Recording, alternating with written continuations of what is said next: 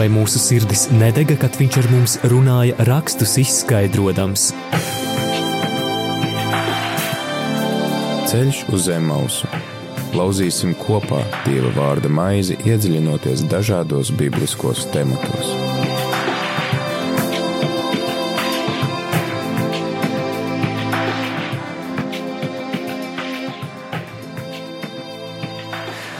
Lai top slavēts Jēzus Kristus, skan raidījums ceļš uz Emmausu, Radio Marija Latvija ēterā ceturtdienas vakarā. Šis ir raidījums, kad mēs atšķiram svētos rakstus ar vēlmi tos vairāk iepazīt un arvien vairāk iepazīt caur svētajiem rakstiem mūsu kungu Jēzu Kristu un arī kāda īpaša, interesanta raksturvieta, pie kuras vienmēr ir prieks atgriezties arī šajā raidījumā. Mans vārds ir Māris Veliks, savukārt par Lūkas evaņģēlija 24. nodaļas fragmentu no 13. panta līdz 29. pantam, kas ir tieši ceļa uz Emmausu apraksts. Mums šodien raidījumā runās raidījuma viesis, mācītājs Valdis Baltruks. Sveicināti! Labvakar! Vispirms būsim ļoti priecīgi arī dzirdēt, kur jūs mācītāji valdi kalpojat, kurās draudzēs. Es kalpoju trijās draudzēs - Jumpravas, Svētā Jāņa, Aizkrauklis, Skrīveru baznīcā un Koktes baznīcā, kā arī esmu cietumu kapelāns. Un kuros cietumos kalpojat? Mums ir cietuma kalpošanas apvienība pie Lutrāņa baznīcas, un es esmu šīs apvienības valdes priekšsēdētājs. Pēc brīža mēs arī ieklausīsimies svēto rakstu lasījumā, un pēc tam arī sāksim šo rakstu vietu vairāk iepazīt un vairāk tajā iedziļināties.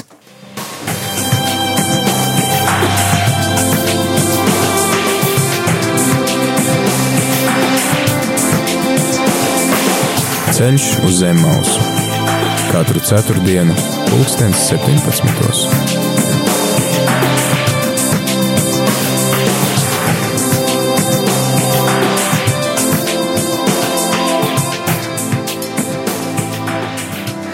Rakstu vieta par ceļa uz Emmausu raidījumā Ceļš uz Emmausu šajā ceturtdienas vakarā. Lasām no Lūkas evaņģēlija 24. nodaļas, sākot ar 13. pantu. Un redzi, divi no tiem tajā pašā dienā devās ceļā uz Emmausu, ciemu, kas atradās 60 stadiju attālumā no Jeruzalemes. Viņi pārunāja visu, kas bija noticis un viņiem runājot un spriežot, pats Jēzus pienāca un gāja kopā ar viņiem. Bet to acīm nebija ļauts viņu pazīt. Un viņš tiem sacīja: Par ko jūs te iedami spriežat savā starpā?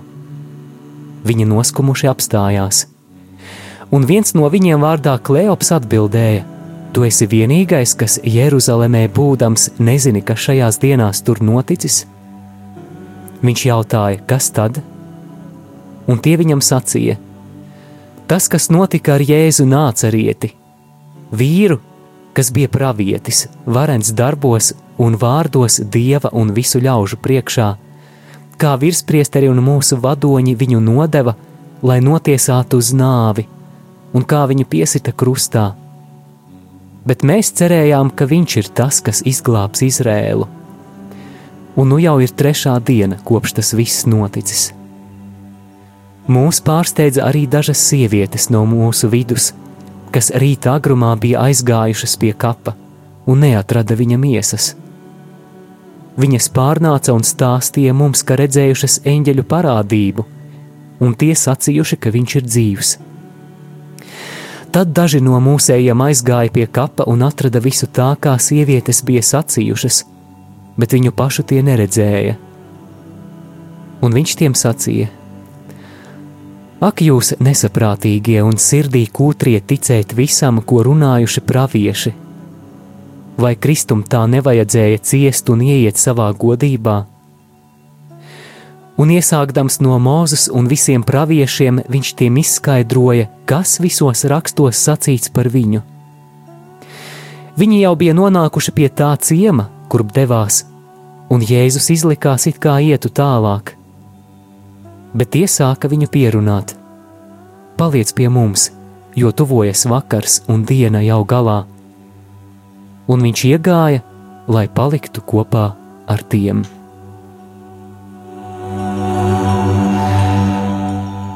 Šajā brīdī dodu vārdu mācītājam Valdim Baltrukam, kurš mums palīdzēs labāk izprast nu pat dzirdēto rakstu vietu. Lūdzu! Dieva tēva dēla un svēta gara vārdā. Āmen. Āmen. Nu, šī ir ļoti zīmīga rakstu vieta, jo šie divi ceļotāji viņi simbolizē visu cilvēci. Arī mēs visi esam ceļā ceļā izgājuši no apgabala, kurā valda dieva žēlastība. Tā tas bija paradīzē. Paradīze varbūt nevajag iedomāties kā tādu lokālu vietu, bet apgabals, kurā valda dieva žēlastība. Un dēļ grēka šie divi cilvēki atstāja šo paradīzi.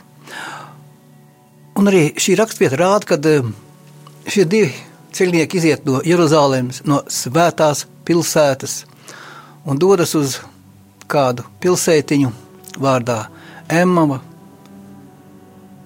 Tie ir cilvēki ceļā.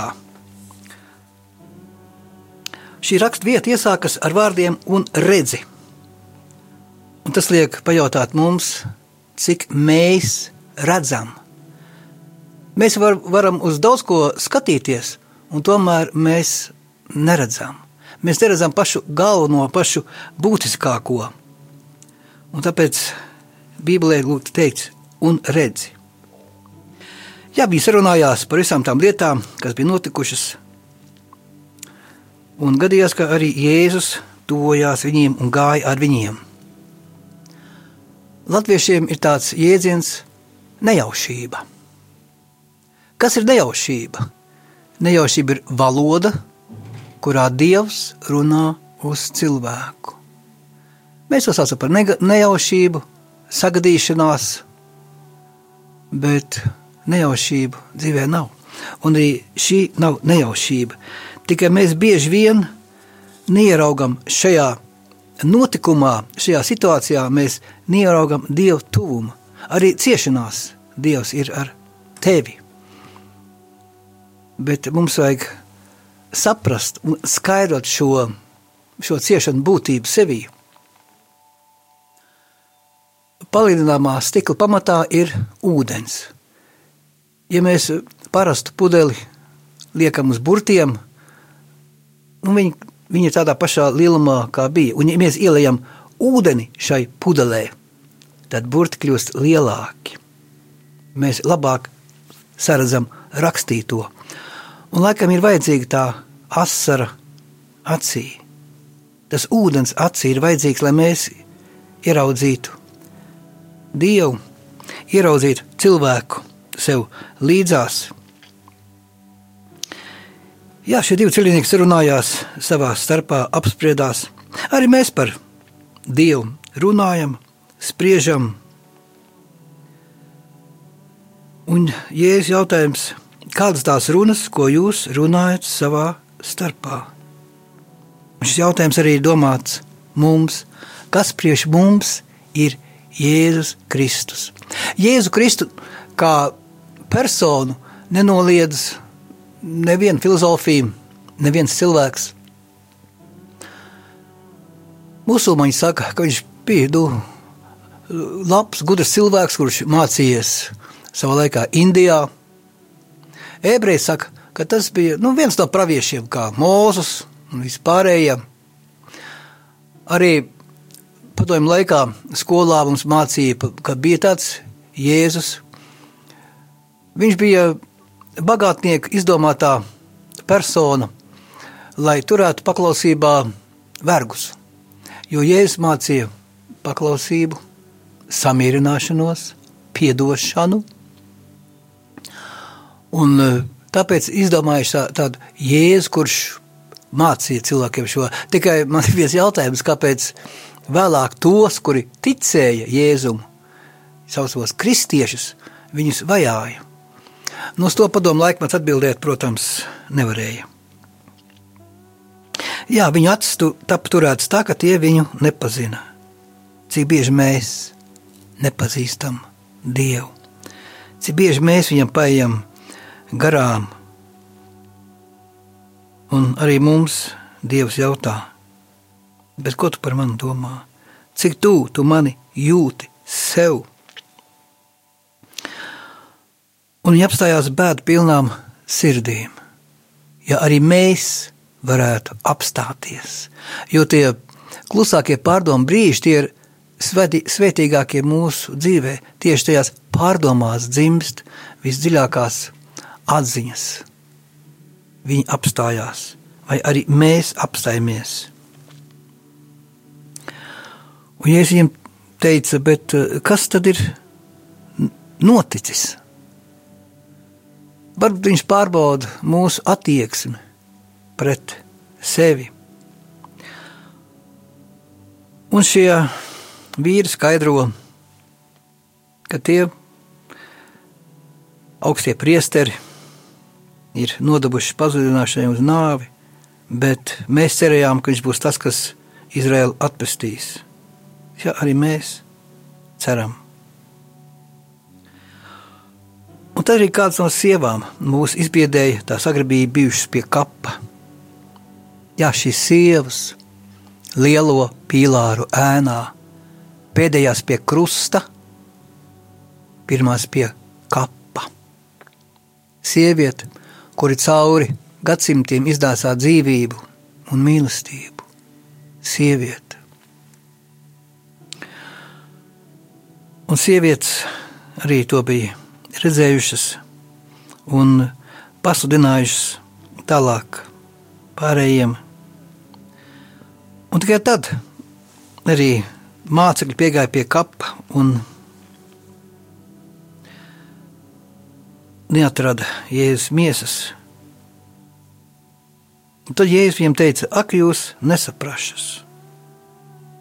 Varbūt to viņš saka arī man, jums cik mēs esam nesaprašas. Mēs bieži vien negribam ticēt Dieva esamībai, Dieva visvarenībai. Mēs neticam, jo mēs esam šie sirdī kūtrie. Un tad, iesākdams ar mūsu visiem praviešiem, Jēzus izskaidroja visus rakstus. Lūk, iesākumā bija tas zīmīgais vārds un redzi. Un šeit Jēzus izskaidro šos rakstus. Visvecā derība ir pilna ar pasludinājumiem, pasludinājumiem par Jēzu. Sākot jau no pirmās mūža grāmatas, trešās nodaļas, 15. panta, kad iekoda papēdīt čūska. Arī par Jēzus eh, bezvainīgo ieņemšanu no jaunās Marijas, par Jēzus krusta nāvi. Kauliņš meta par viņu drēbēm, vecā derība pilna. Un jūdi, izredzētā tauta, to neredzēja. Tāpēc zīmīgs ir šis vārds un redzi. Un Jēzus izskaidro šos rakstus. Un viņi jau tur tuvu pie pilsētas. Jēzus likās, kā ejot tālāk, un tad šie ļoti zīmīgie vārdi šajā tekstā, ko saka šie celinieki. Paliec pie mums! Nu, Bībelē nav svarīgu vai nesvarīgu vārdu, bet šie vārdi, šie trīs vārdi paliec pie mums, tie ir visas mūsu dzīves jēgas pamatā. Paliec pie mums par šiem tik svarīgajiem vārdiem, kurus mēs nu pat lasījām no Lūkas evaņģēlija 24. nodaļas, Mēs parunāsim pēc kādas dziesmas. Tagad klausāmies dziesmu uz kungu, dvēseli cer, un pēc tam atgriežamies ēterā ar raidījumu ceļš uz Emmausu.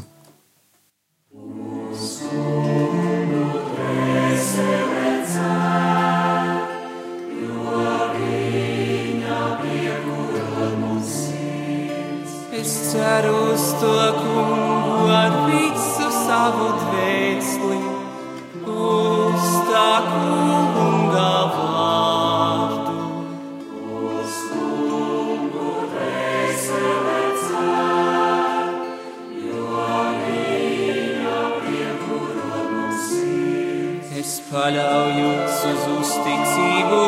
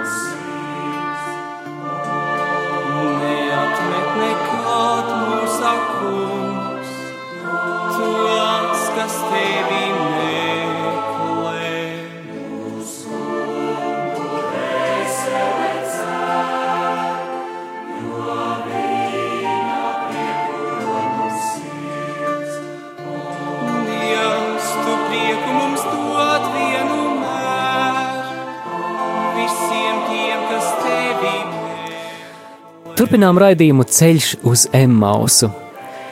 Lūkas evanģēlija 24. nodaļas, 29. pants. Bet tie sāka viņu pierunāt, paliec pie mums, jo tuvojas vakars un diena jau galā. Un viņš iegāja, lai paliktu kopā ar tiem.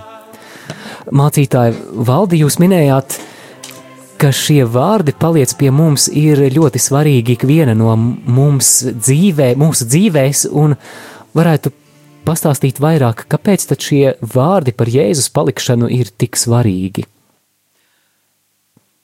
Bieži dzird sakām, Dievs ir tālu. Man grūti saprast. Es nevaru viņu ieraudzīt. Viņš tik- ļoti tik tālu no manis. Man grūti viņu pieņemt. Bet es domāju, ka tieši pretēji. Dievs ir tik tuvu pienācis mums, kad uh, nepaliek vairs atstarp mūsu šaubām, mūsu naidām, mūsu ambīcijām, mūsu dzīvēm. Viņš pienāca tik ļoti tuvu. Tāpēc eh, vairāk negribu, ka Dievs ir ar mums, jo tas traucē man dzīvot. Un tāpēc šie vārdi paliec ar mums. Ir ļoti svarīgi mūsu ikdienā, lai mēs varētu turpināt savu dzīvi. Paliec ar mums. Svarīgākie vārdi šajā tekstā. Mēs bieži vien uz Dievu mīlam skatīties tā no attāluma. Un nu, tā uz brīdi paliec ar mums. Daudz saka, kādreiz es Jēzu redzēju. Bet kāds viņu redzēja? Kāds ceļinieks nu, tur tālumā, tur daudz metrus tālāk, nu, aizgāja Jēzus. Ja? Tā nav Jēzus redzēšana. Jēzus redzēšana ir, ka viņš paliek ar mums, ka viņš ienāk manī. Jo, kā apelsīns Pāvils teica, nevairs es, bet Jēzus manī. Tik tuvu Jēzum jāļauj pienākt ir pie sevis, lai es sajustu viņa, viņa, viņa tuvumu, ja? lai es savus gribas procesus pakļautu viņa gribas procesam. Un tāpēc šajā nodaļā arī tālāk minēts par svēto vakarēdienu, kad mēs piedzīvojam Jēzus klātbūtni, Jēzus tuvumu. Un eh, tas ir tāds apsprinājums, jeb skaidrojums šiem vārdiem paliec ar mums. Un tāpēc arī ir svētais vakarēdienas, tāpēc ir mūsu agapes mīlesti. Jo dievkalpojums, kas ir dievkalpojums? Kas svētdienā kalpo? Parasti ir sakām, nu, mēs kalpojam Dievam svētdienā. Dievam mēs kalpojam no pirmdienas līdz sestdienai. Caur otru cilvēku. Svētdienās Dievs kalpo cilvēkam ar grēka piedošanu. Bet viņš grēks var piedot tiem, kuri paliek ar viņu. Jo baznīca ir no tramplīna uz debesīm. Tramplīns ir otra cilvēka lūkšana, pateicība, otra cilvēka mīlestība. Un uh, tikai to varam realizēt tad, ja Jēzus ir manī, ja es daru viņa prātu, viņa gribu. Man ļoti patika jūsu komentārs, kad jūs norādījāt, ka daudzi cilvēki Jēzum saka, uz brīdi paliec ar mums, bet kas īsti ir tās lietas mūsu dzīvē, kas neļauj Jēzum palikt ar mums? Kas ir tieši ķēršļi? Tie šķēršļi, tas ir cilvēks pats. Tā ir cilvēka tāda personīgā griba, ja tas ir cilvēka ego. Ļauj man brīdi vēl parotaļāties ar, ar, ar, ar savu grēku, savām ambīcijām, jo grēks cilvēku attālina no Dieva. Gan toreiz ēdienas dārzā, gan arī tagad. Un eh, arī Jēzus saka, atstājiet visu – Nu, te varbūt tās uh, ir pārpratums. Ne jau pilnīgi visu atstāt, bet atstāt to, kas traucē Jēzum palikt ar mums, kas traucē mums darīt labu. Tas mums viss ir, viss ir jāatstāj. Jā, paldies. Un uh, vēl arī man uzmanību pievērsa, tas ir 16. pants šajā rakstu vietā, bet to acīm nebija ļauts viņu pazīt. Uh, Un jūs arī to skaidrojot, minējāt, ka arī ikdienā mēs bieži vien neatpazīstam šo dieva klātbūtni. Kā atpazīt Jēzus klātbūtni mūsu dzīvē? Pēc darbiem, pēc, pēc rezultāta. Ja man ir vēlēšanās darīt ko sliktu, tad katrā ziņā tas nav Jēzus. Un uh, viņu acis tika turētas. Nu, tā ir mūsu attieksme. Starp mums un starp Dievu, ja mēs iedomāsimies durvis, aizvērtas durvis, bet tas kliņķis, tas ir mūsu pusē. Vai mēs šo kliņķi nospiežam un atveram šīs durvis, gūstam šo, pie, šo tuvību, vai arī neatveram ja mēs varam turēt neatvērtas durvis, aizvērtas acis. Bet tas ir atkarīgs no cilvēka paša. Jo Dievs radīja cilvēku pēc sava tēla un līdzības. Tēls kā vizuālais, līdzība, brīvā griba. Un tāpēc arī mūsu griba ir vai nu nospiest šo kliņķi, un atvērt durvis un ielaist viņu manā dzīvē, vai arī durvīm netuvoties un turēt viņus ciet. Reizēm cilvēki nākot pie Jēzus un piedzīvojot atgriešanos no grēka, pievēršoties viņam no visas sirds, atklāja, ka lūkšanu dzīve atgādina kaut ko līdzīgu medus mēnesim. Ir tik patīkami nākt lūkšanā pie kunga un piedzīvot viņa tuvumu, un tad pēkšņi kādā brīdī iestājas sausums, vairs nav tā lūkšanas prieka, un daudzi cilvēki jautā, vai Jēzus man ir pametis, kur tad viņš ir? vai vispār kādām sajūtām, izjūtām lūkšanā ir nozīme jūsuprāt?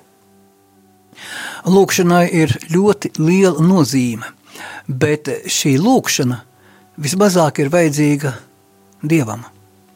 Šī lūkšana ir vajadzīga mums, jo lūkšanā mēs topam pilnīgāki. Tieši ar lūkšanu mēs sevi paceļam pie, pie Dieva. Lūkšana pārveido cilvēku. Nu, lūkšanas var būt dažādas. Ir arī tie saucamie lūkšanu papagaili. Kas tie tādi? Labi izklausās. kur vienkārši nu, iemācījušies kaut kādas frāzes, un tās arī mm -hmm. atkārto. Stāstīja par kādu sieviņu pie bikts krēsla, kur priesrim teikusi, mazu, maza biju sagrēkoju, tēvu māti neklausīju. nu, man jā, liekas, 70 gadu vecumā, jā. jā, nu te var tikai, tikai pasmaidīt, bet tāda viņai ir iemācīta no bērnības, un tād, ar tādu viņa iet cauri dzīvei. Lūkšana nenāk no mutes, lūkšana nāk no sirds.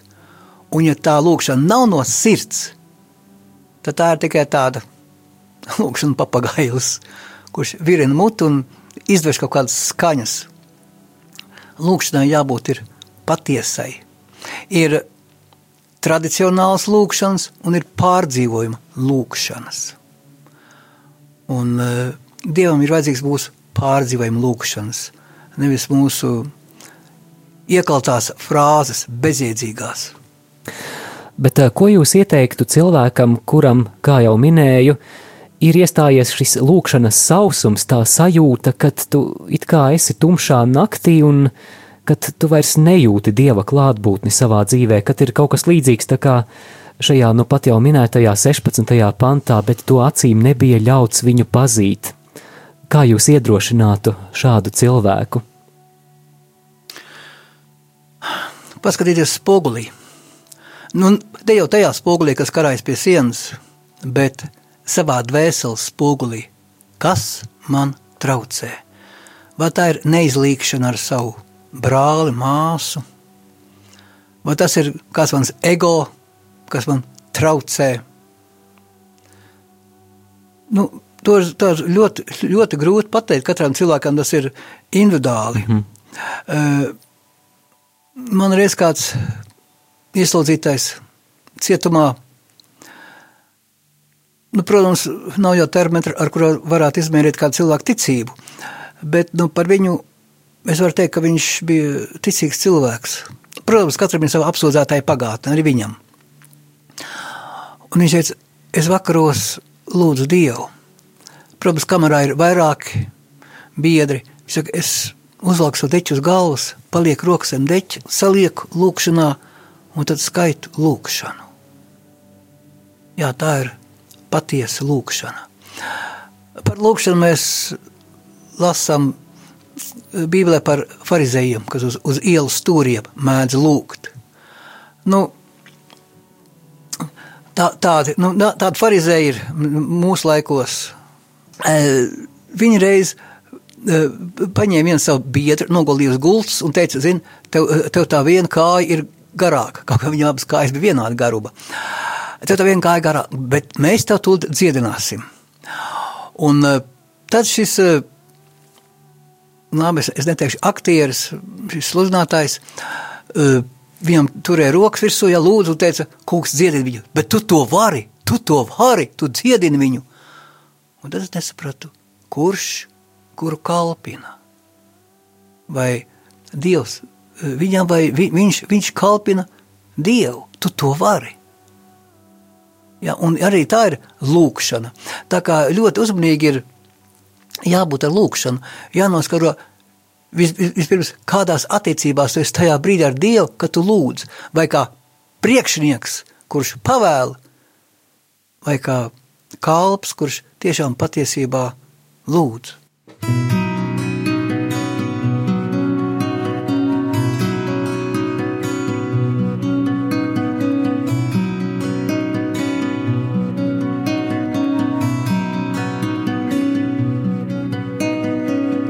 Tas bija ceļš, ko kopā mēs gājām, sākumā līdz emaus tāpat ar kājām.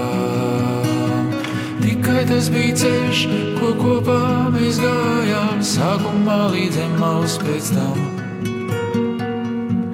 pie tēva uz mājām.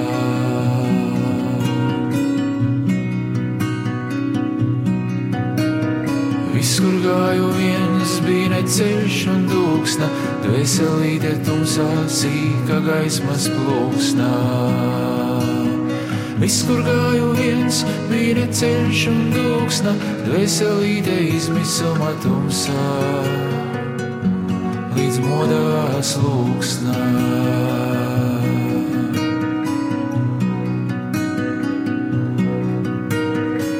Tagad ceļu zinu, kungs to man iztaigā, sakoju tā pēdās šai bēdu lejā baigā. Tagad ceļu zinu, kungs to man iztaigā, dzīvē sakošu un nāvētam, līdz skatīšu vaigā.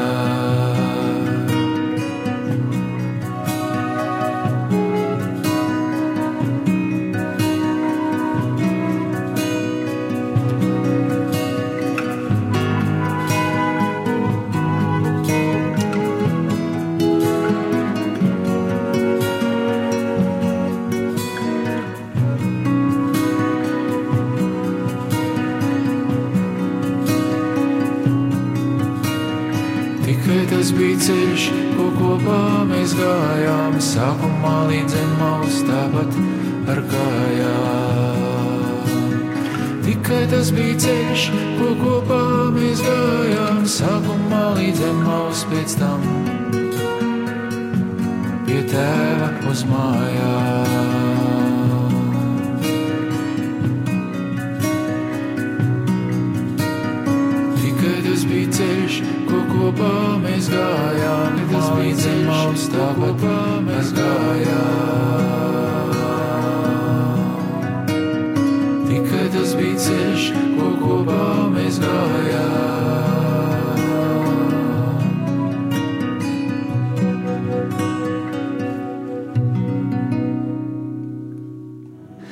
Turpina skanēt radio Marija raidījums ceturtdienas vakarā ceļš uz Emmausu.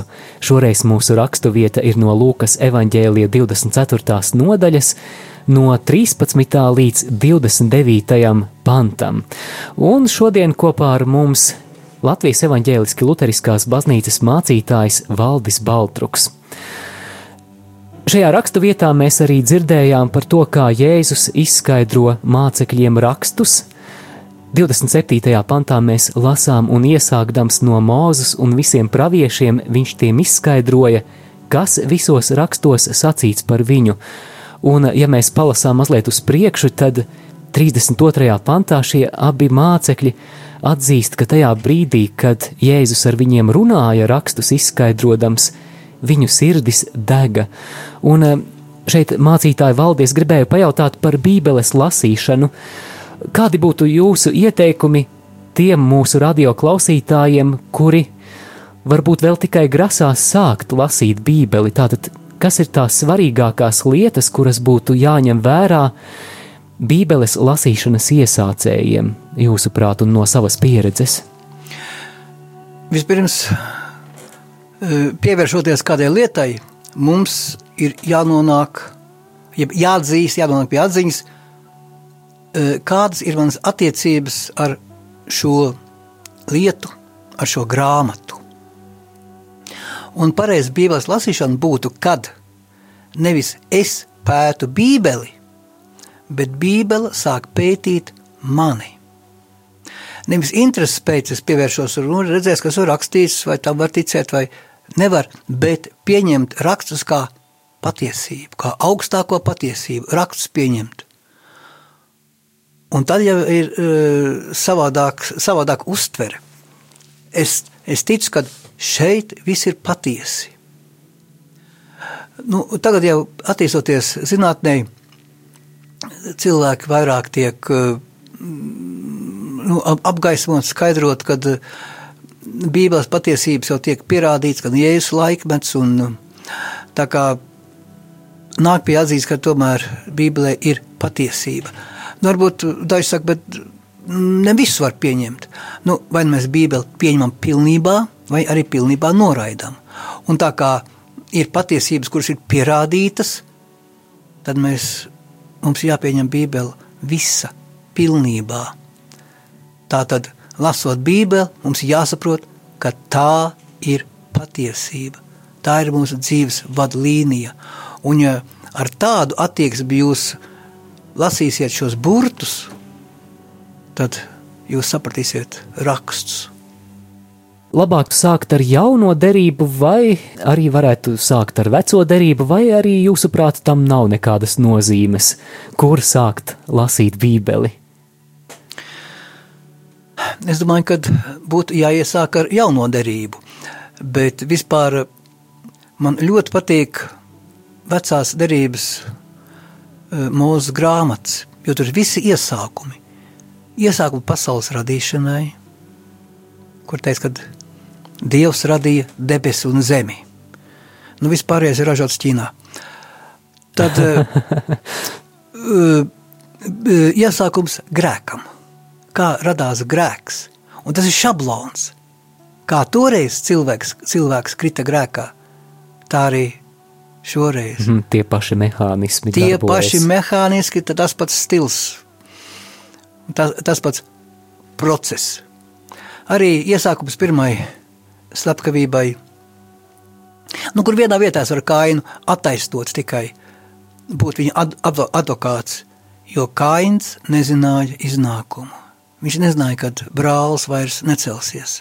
Mēs zinām, ja mēs kādam ar cirvi iestīs pa galvu vai izdarīs cauri nasi, ka viņš mirs un necelsies. Kains to nezināja. Tā bija pirmā slepkavība. Bet katrā ziņā es viņu eh, neataisnoju. Un tāpat arī mm, iesākumu šim, šim bābeles todim, ja cilvēku pārgudrībai, kur cilvēks, ja tu gribi būt pārgudrs, tad tev sajauc prātu, jeb kā Bībelē teikt, sajauc valodas. Arī šie divi vecajā derībā, Izraēļa tautas ceļš, ceļš no verdzības Eģiptē līdz apsolītajai zemē, jaunā derībā Jēzus ceļš no Ziemassvētkiem līdz lieldienām, līdz augšām celšanās ceļi. Tā kā paralēlas ir, bet vecā derība ir grūtāk saprotam varbūt, jo tur aprakstīt notikumu, kas notika pirmkārt svešā zemē, svešā tālā zemē, kur citas tradīcijas, arī laikmets bija visam savādāks, jo morāli izmainās. Mēs katra paudze varam teikt, nu manos laikos tā nebija. Es reiz pasniedzu bībeles stundas jauniešu grupai, un viņi, skatoties uz tagadējiem, nu, pirmā klasē, kur mācās, viņi saka, mūsu laikos tā nebija. Un kur vēl runājot par veco derību, kur attēlot notikumu pirms 5, 6, 7 tūkstoši gadiem. Tā, tāpēc viņi ir grūtāk saprotami. Un kur tā vēl tulkojuma problēma? Un tas viss kopā ņemot, nu, izraisa tādu varbūt grūtu lasīšanu vecajā derībā. Jaunā jau ir vairāk eh, tāda praktiskāka, ja mums saprotamāk, tāpēc eh, labāk būtu iesākt ar jauno derību. Un, uh, kad kādreiz sakām, es izlasīju bībeli. Bībeli izlasīt nav iespējams. Nekad. Esmu sprediķojis par vienu to pašu rakstu vietu vairākas reizes, un katreiz lasot šo rakstu vietu, man par lūpām izlaužas tāds teiciens, bet kā es to agrāk nebiju ievērojis? Bībeli izlasīt nevaru neizsmeļams avots. Un, darbie radio Marija klausītāji, mēs ar šo raidījumu vēlamies jūs iedrošināt lasīt Bībeli.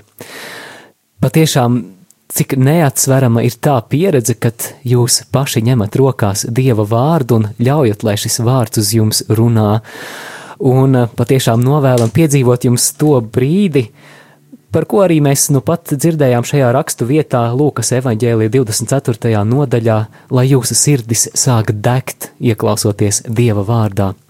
Raidījums tuvojas noslēgumam ar mums kopā šajā raidījumā Latvijas evanģēliski luteriskās baznīcas mācītājs Valdis Baltruks. Mācītāja Valdi raidījuma noslēgumā kāds būtu jūsu novēlējums mūsu klausītājiem, kas izriet tieši no šīs aplūkotās eh, rakstu vietas? Mēs visi esam cilvēki ceļā. Mēs visi esam izgājuši no Jeruzalemes, no apgabala, kurā valdīja žēlastība.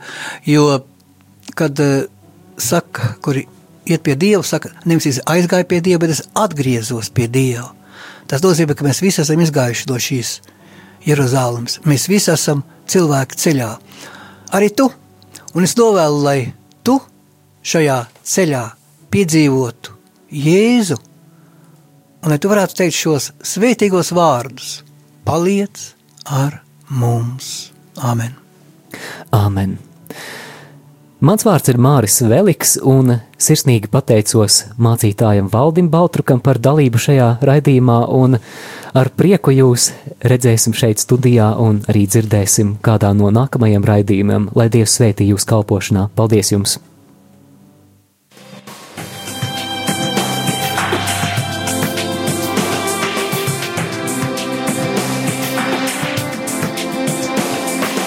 Ceļš uz zem mausu katru ceturtdienu, pulkstens 17.